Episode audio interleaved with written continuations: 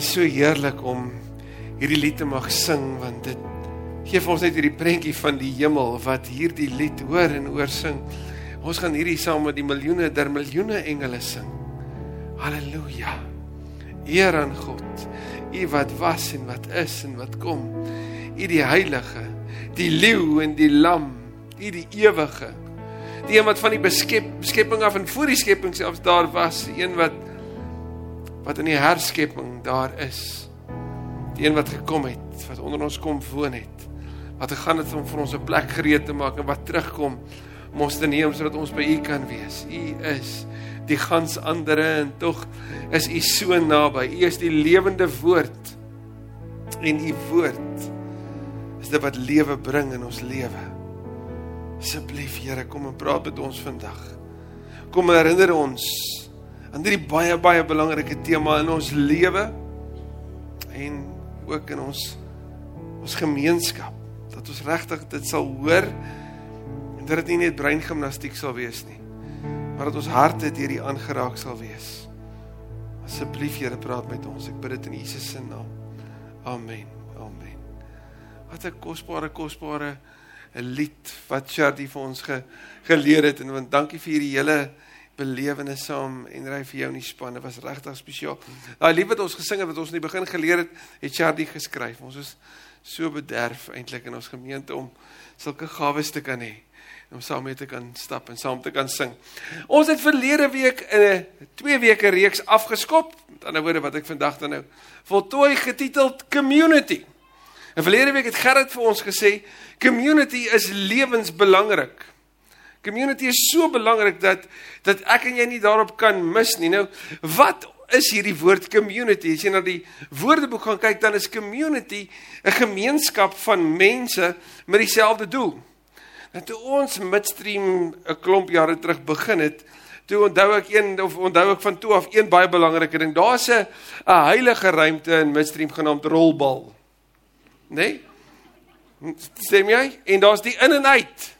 Hulle wat deel is en hulle wat nie kan nie. En ek onthou die groot en doen dat ons hier aangekom het was oom Stompie gewees. Oom Stompie rolbal. Ek bedoel, nou ek sou wou sê ons noem hulle seker die rolballers. Nie nou is ek gevaarlik, nê? Nee? Nou is ek op heilige trein, so watch it nou. So, maar die mense wat rolbal speel, die groep daar deel verseker 'n vorm van gemeenskap, van vriendskap, van saamkuier, van daar wees.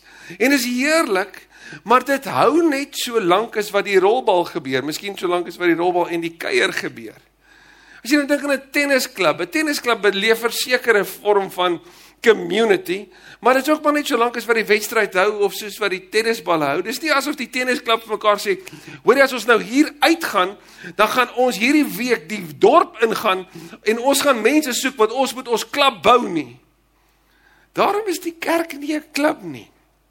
Daarom is die kerk nie so 'n tipe groep, jy weet, heilig en veilig knus en warm op die drempel van die tempel. Kom ons sê koetjie koetjie koe vir mekaar elke week en dan sterkte vir die week nie. En volgende week is ons weer saam, maar net 'n uur hoor. Nou moet ons gaan. Prof Kas het altyd vir ons sê jy kan preek oor enigiets behalwe oor 'n uur. Hy sê dis tekstuur, skriftuur, postuur en net 'n uur. So net net 'n uur. Die kerk is nie dit nie. Ellen Hirsch sê die kerk is 'n weermag. 'n Weermag op sending en vir die van ons wat 'n agtergrond van die weermag het, sal presies weet waarvan ek nou praat. Want jou verhouding met jou makkers, met hulle wat saam met jou in die oorlog was, was baie dieper as as wat jou verhouding dikwels met jou vriende is. Hoekom? Want julle het mekaar verskriklik nodig gehad. Julle het mekaar vertrou. Julle het mekaar se ru letterlik fisies beskerm. Julle het op mekaar gereken. Julle het letterlik julle lewens in mekaar se hande geplaas. En dit is hoe dit is as ons verstaan dat die kerk 'n weermag is wat 'n impak in hierdie wêreld moet maak. Daarom het Gerrit verlede week vir ons sê, maar community is lewensbelangrik. As ons op op sending is, op hierdie missie is, want dis wat die kerk definieer natuurlik, dan moet ons in gemeenskap leef. Ons moet nader aan God beweeg, ons moet nader na mekaar toe beweeg, ons moet mekaar aanspoor tot liefde en goeie dade. En vandag deel 2 hiervan. En dit is dat gemeenskap of community is real. Gemeenskap is eg. Gemeenskap wat die die die geloofsgemeenskap onderskei van enige ander vorm van gemeenskap wat jy in hierdie wêreld beleef is een dit is eg en twee dis nie tydelik nie. Dis nie gekoppel net aan 'n bepaalde tyd nie. Nee, 'n gemeenskap het 'n het 'n groter kollektief, 'n groter geheel, naamlik dat ons is nou deel van mekaar, maar ons is deel van die groter kerk en die kerk is groot deel van die groter beweging van Christus van alle tye tot in alle tye. Ja, hierdie gemeenskap is nie eers ge, be, beperk tot hierdie tyd nie. Dit gaan voort hierna in die lewe hierna, die lewe wat voortgaan. Gemeenskap is eg, maar waar het hierdie egtheid van gemeenskap ontstaan? So ek wil vir jou in een kan sê, as jy wil weet watse teksgedeelte gaan ons vandag lees, hier's hy. Alles. Ek wens jy ons kan die weet vir 'n jaar lank besig wees en sê kom ons sit en ons lees dit alles deur. Nou weet ek ek het net 'n uur, so ek moet fokus. Maar maar ek wil graag vir jou herinner aan 'n klomp gedagtes. So ons gaan net drie gedagtes deel, maar maar 'n klomp verwysings waarna jy sou kon gaan kyk hierna. Want wanneer ons na gemeenskap kyk, moet ons weet die ontstaan daarvan is Genesis 1:26. Waarin God gesê het, kom ons maak die mens as ons verteenwoordiger. Die Hebreëus daar vir ons is 'n kollektief, is 'n groter geheel. Jy sou kon sê dit is soos 'n gesin Vader, Seun, Heilige Gees in verhouding met mekaar sê, kom ons maak die mens twee goed, as ons beeld en as ons verteenwoordiger. Die mens is die enigste spesies hoogs waarskynlik nie net op hierdie planeet nie, maar in die ganse heelal wat hierdie vermoë het om in verhouding te wees met mekaar.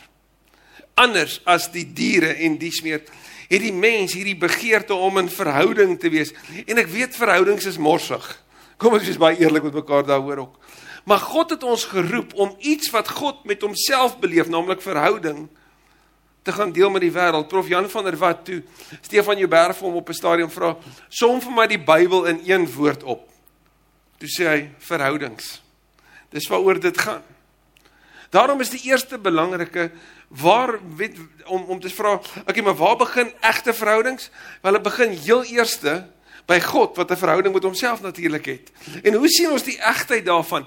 Ons sien dit in Christus se se se aarde toe kom en in sy lewe hoe hy in verhouding met die Here geleef het, met sy Vader geleef het. Ons sien dit in sy gebedslewe. Ons sien dat hy ons in gebed leer om God as Vader aan te spreek.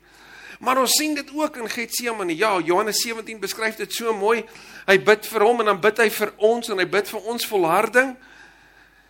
Maar later in Getsemane is dit eintlik Jesus wat sê Vader neem hierdie beker van my af weg. Vader ek sien nie kans nie. Vader hierdie is te veel. Wanneer die die die die sweet druppels bloed word dan beleef jy iets van die egtheid van Christus se belewenis. Dieselfde Jesus wat by Johannes ag by by by sy vriend Lazarus se graf staan en huil. En hom net daarna opwek uit die dood. Wat sê ek is die opstanding en die lewe is die Here wat voor die kruis sê maar hierdie is te veel. Maar nogtans nie my wil nie. So dit wys vir jou iets van hoe werk egtheid van gemeenskap. Dis net om eg eerlik te wees. So waarmee moet ek en jy eg wees? Eerstens in ons verhouding met die Here. Ons gemeenskap met hom. Ons sien dat God tussen Adam en Eva gewandel het. Dit was God se begeerte nog altyd om saam met ons te wandel. En na die sondeval het dit nie opgehou nie. Jy gaan lees daar in Genesis 5 vers 24 dat Henog het met God gewandel en God het Henog geneem om by hom te wees. Daar word nêrens vertel van Henog se begrafnis nie. Ons sien dit nie van hom nie, ons sien dit nie van Moses nie en ons sien dit nie van Elia nie. Henog en Elia word eintlik gesê hulle is na die Here toe geneem. Maar die belangrik is daai God wat saam met ons wil wees in 'n egte intieme verhouding. As Jakobus 2:23 oor Abraham praat, dan sê die sê Jakobus, Abraham was 'n vriend van God genoem. Nou weet ek nie wat jou nie, maar ek praat nie hoogdrawende taal met my vriende nie en ek praat nie net met hulle as dit met my goed gaan nie.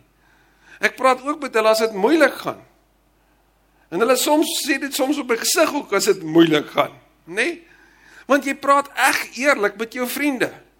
Ek onthou my eerste gemeente toe daar was 'n oom daar gewees het wanneer hy bid, dan dan verander hy. Ja, saam met iemand gebid wat verander terwyl hulle bid. Hy het skielik taal gepraat. Nou wonder ek myself as dit nou is hoe jy met jou vriend praat. As ek vir my vriend sou sê, "Ho, oh, hallo jy. Dit is so wonderlik om vandag by jou te wees. Gaan ons dalk eers ietsie coach drink en bietjie rugby kyk." Is jy dalk lus vir 'n braai?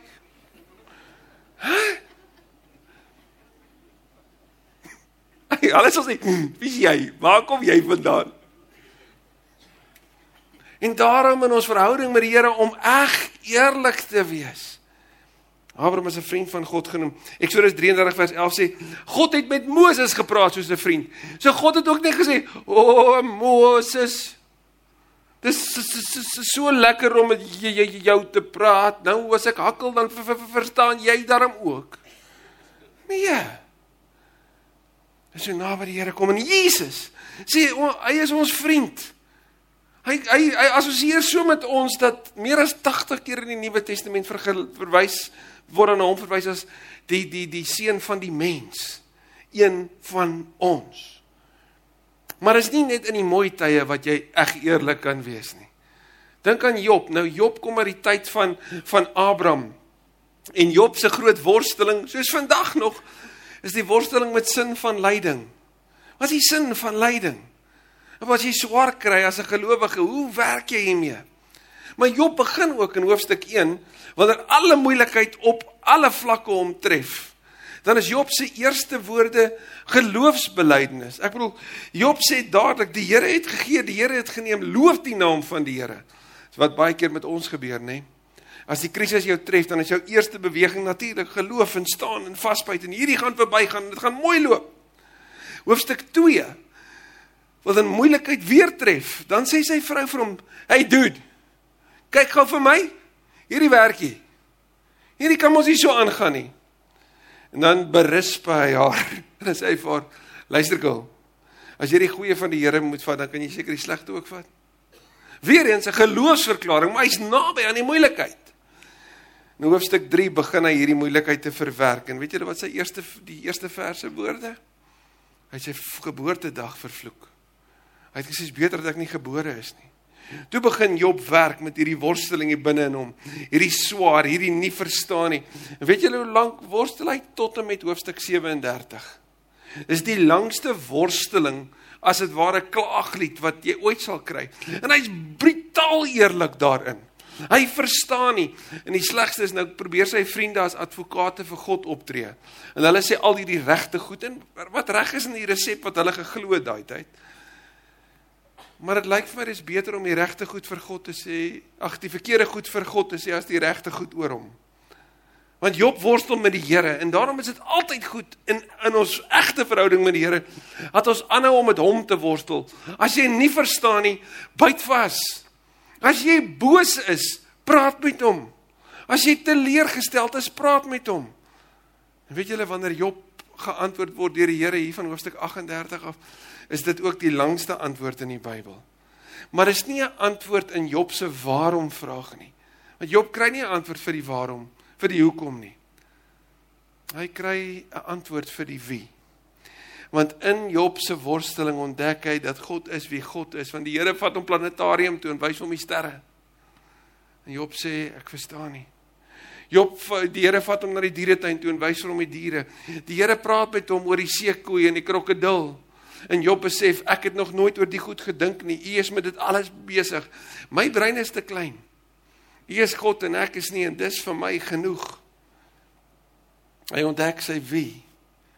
As ons dink aan Dawid, julle Ek weet ons ken Dawid vir 'n klomp dinge. Ons ken hom vir Goliat, ons ken hom vir Batseba, ons ken hom vir Salomo. Maar het jy ooit Dawid geken vir sy worsteling? Ons ken Psalm 23, net baie goed. Die Here is my herder, Die Here is die gasheer, die Here is die Vader van die huis waarbinne ek bly.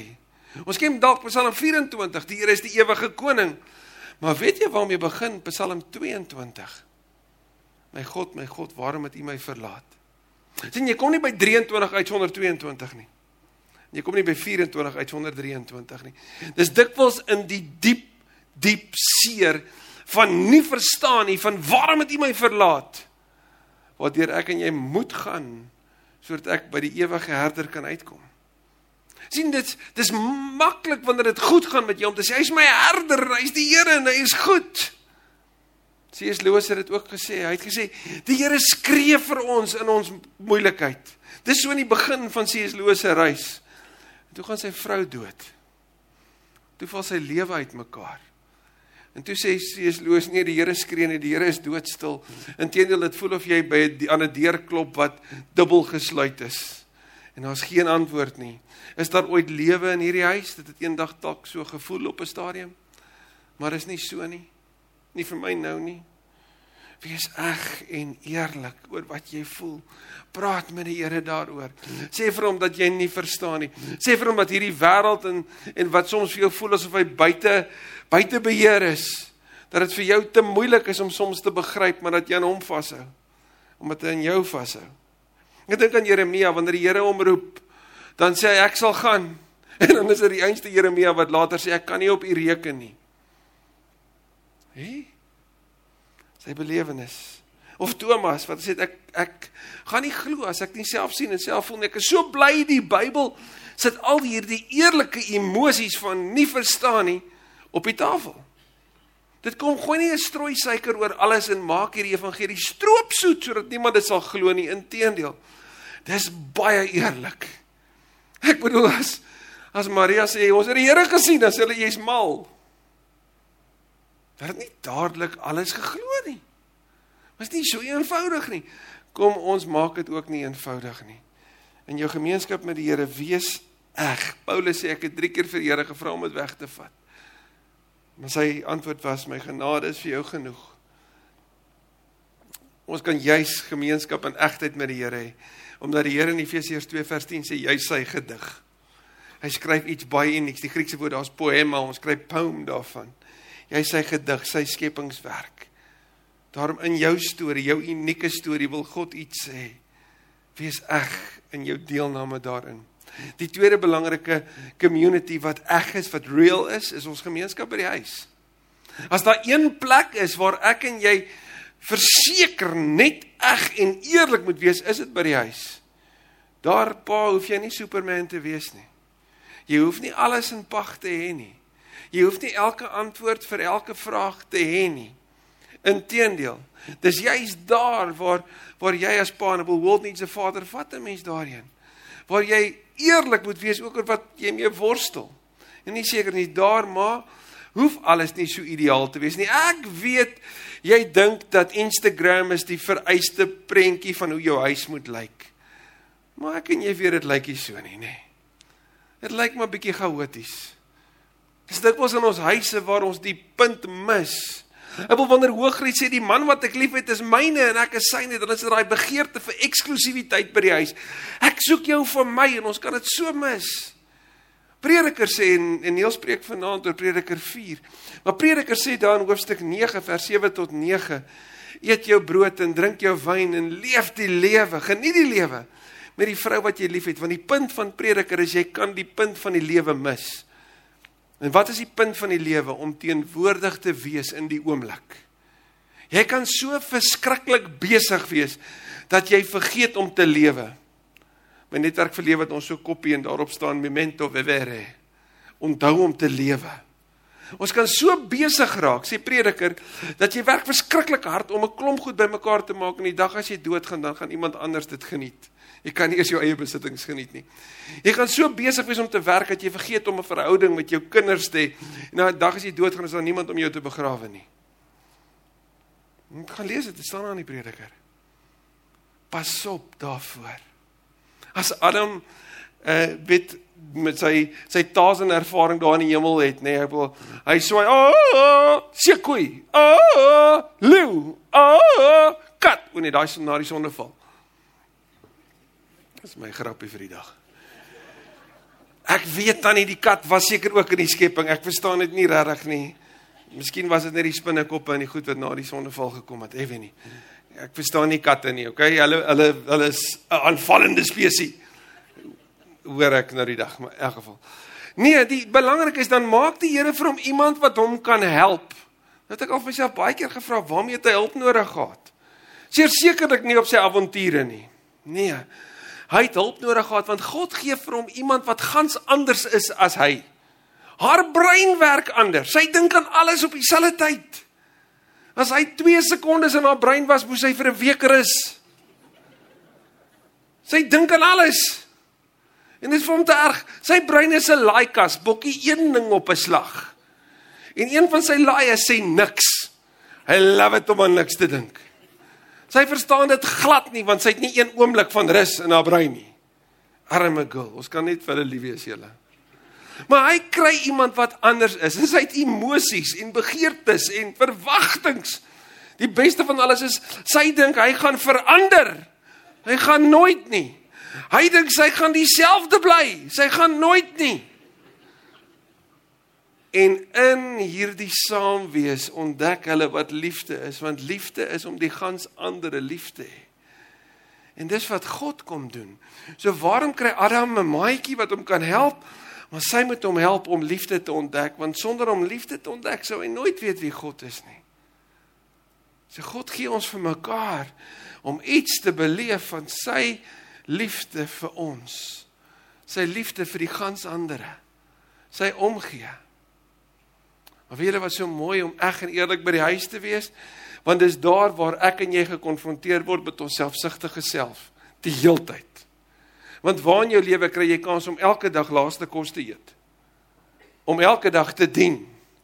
Om elke dag jou sonde te bely. Om elke dag te kan vergewe. Om elke dag aan te moedig, te bemoedig, om saam te bid en saam te vorm. Daarom praat ons van die gesin as 'n disippelskapsfabriek. Dis daar waar ons gevorm word. Maar dan moet ons eerlik wees. Van die hartseerste stories wat ek al in my lewe gehoor het, is van mense wat sê my pa by die kerk is nie my pa by die huis nie. By die huis is my pa hierdie iemand wat my dwing en forceer en verskriklik hard is, maar by die kerk is dit haleluja en pragtig en mooi. By die by die huis is hy met sy woorde vlamskerp. Maar by die kerk alles mooi saggies. Asseblief laat ons tog die eg eerlike wees. 'n Man wat weer op die oomblik 'n pad stap, praat van sy ouers. Hy gebruik 'n voorbeeld van sy ouers wat hom in die oggend aan die enkels gegryp het en uit die bed uitgeruk het en op die grond val en sê hy klaar die grond getref en sê hulle vir hom hier's R5, vat dit vir die Here. Jy moet kerk toe gaan, maak klaar. En sien wanneer hy groot word dan is die die ding oor die evangelie wat hy hoor van God wat by liefhet vir hom iets verskriklik moeiliks op by mekaar te bring. So mag ons leef daar wat ons sê ons bely.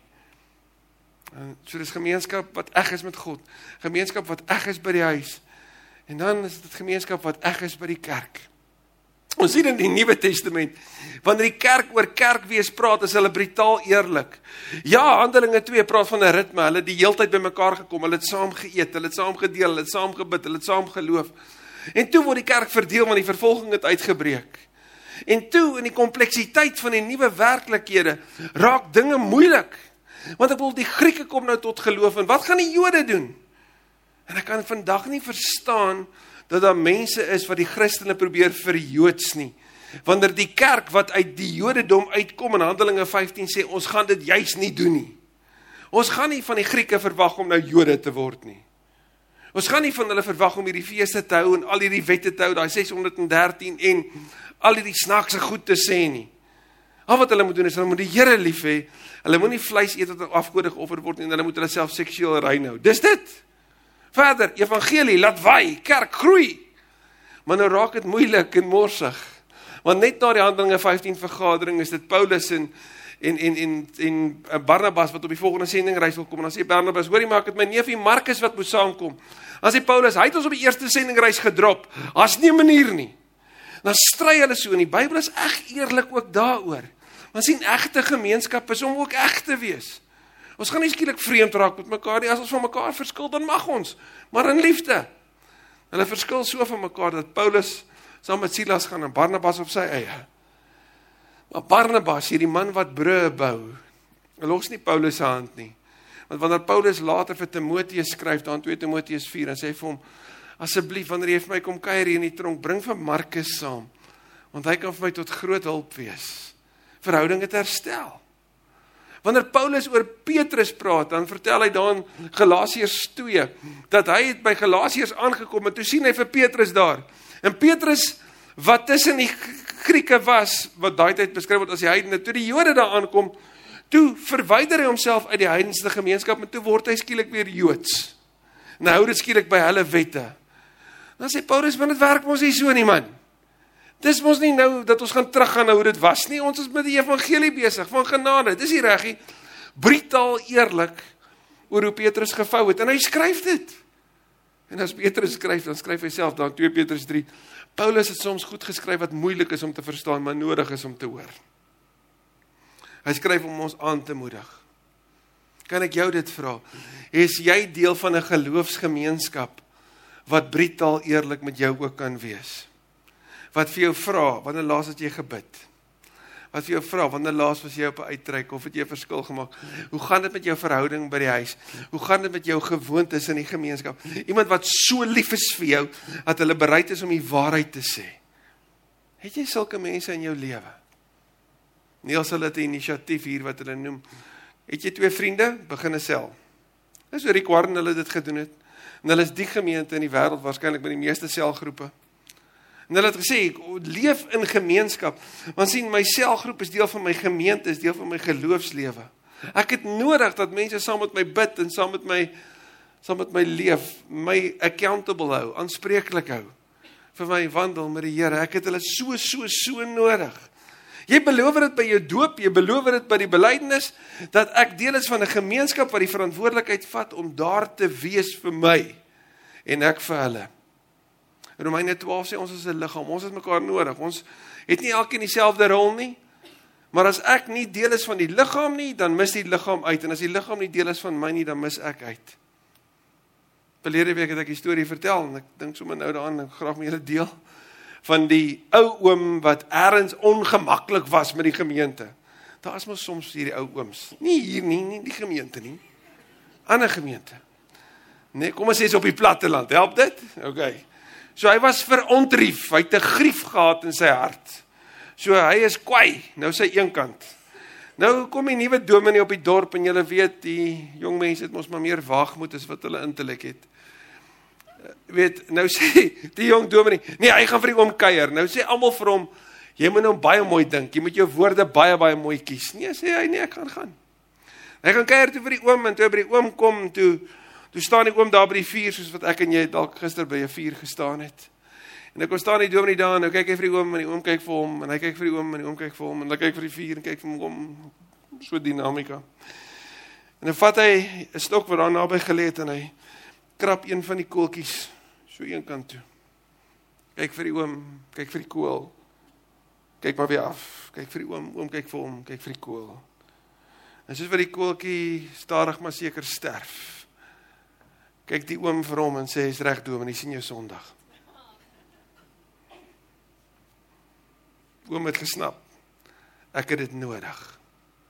Ek het gemeenskap, egte eerlike gemeenskap met die Here nodig. Ek het egte gemeenskap by my huis nodig. Ek moet eg wees. Maar ek het ook gemeenskap nodig van gelowiges wat eg en eerlik is. En die hartseer is dit neem soms ongemak om my daar te kry. Dit neem soms 'n tragedie om my daar te kry. Ons het onlangs die voorreg gehad om iemand te ontmoet wat 20 jaar laas in die kerk gekom het. Hy was 20 jaar laas in die kerk. Tragedie het sy lewe getref en hy's terug. Het ek en jy nodig dat 'n tragedie ons tref voordat ons besef hoe nodig ons dit het? Het ons nodig dat 'n tragedie vriende van ons tref voordat ons hulle gaan uitnooi om deel te word? En deel te word nie aan 'n gemeenskap wat soos wat sal wees soos wat ek dit wil hê nie, maar 'n gemeenskap waar mense mekaar regtig liefhet. Ek sluit af Dietrich Bonhoeffer, 'n Duitse teoloog sê The person who loves their dream of community will destroy community. But the person who loves those around them will create community. Mag dit nie ons idee van gemeenskap, 'n idealistiese gemeenskap wees wat ons najag nie, maar mense.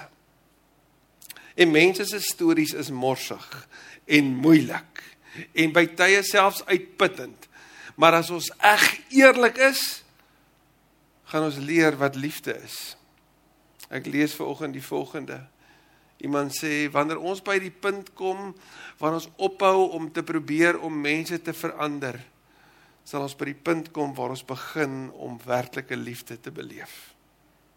Mag ons daar kom as 'n gemeente en as 'n gemeenskap, as gesinne en as individue wat eg eerlik in real community leef. Amen. Kom ons bid. Here, dit is eintlik nogal baie om bymekaar te hou as ons dink oor die grootheid hiervan. Maar dit is so nodig. Waarom bid ek Vader dat U asseblief ons sal help om van hier uit juis opnuut in egte egte gemeenskap eerstens met U te leef. Ons brutaal eerlik sal wees oor wat ons mee worstel, wat ons probeer wegsteek, hoe ons op 'n minder of meerdere mate probeer cope met hierdie wêreld, dinge wat ons gebruik om ons te help as as steenpilare of krikke, gewoontes. Ons net reg eerlik sal wees met u oor wat hier binne aangaan. Reg eerlik ook om te luister na wat u oor ons sê. Maar mag dit wees by ons huise ook so dat ons reg eerlik met mekaar is oor die plekke waar ons nie verstaan nie, die plekke waar dit vir ons moeilik is, die plekke waar ons dalk te skerp opgetree of verkeerd gedoen het. mekaar misverstaan het. Dat ons reg eerlik sal wees daar. Maar Here dat ons ook 'n gemeente sal wees wat reg eerlik is oor U, oor U liefde vir ons wêreld, oor die liefde vir 'n wêreld wat konstant aan die verander is en ons 'n gemeenskap kan wees verander om veilig te voel om in te kom en deel te word. Dat ons regtig mense sal wees wat die nuwe mandaat van Jesus, naamlik dat ons ander sal lief hê soos U hulle liefhet, dat ons dit sal najag en sal leef. Here, ons is almal hier te saam by mekaar in U naam om U naam groot te maak. U was tot die dood getrou, Here, en daarom weet ons ons is U eiendom. Maar ek wil so bid dat ons sal maak soos U ons sê, deur mekaar lief te hê en U bo alles te eer, want U is Christus. U is die Here. Amen.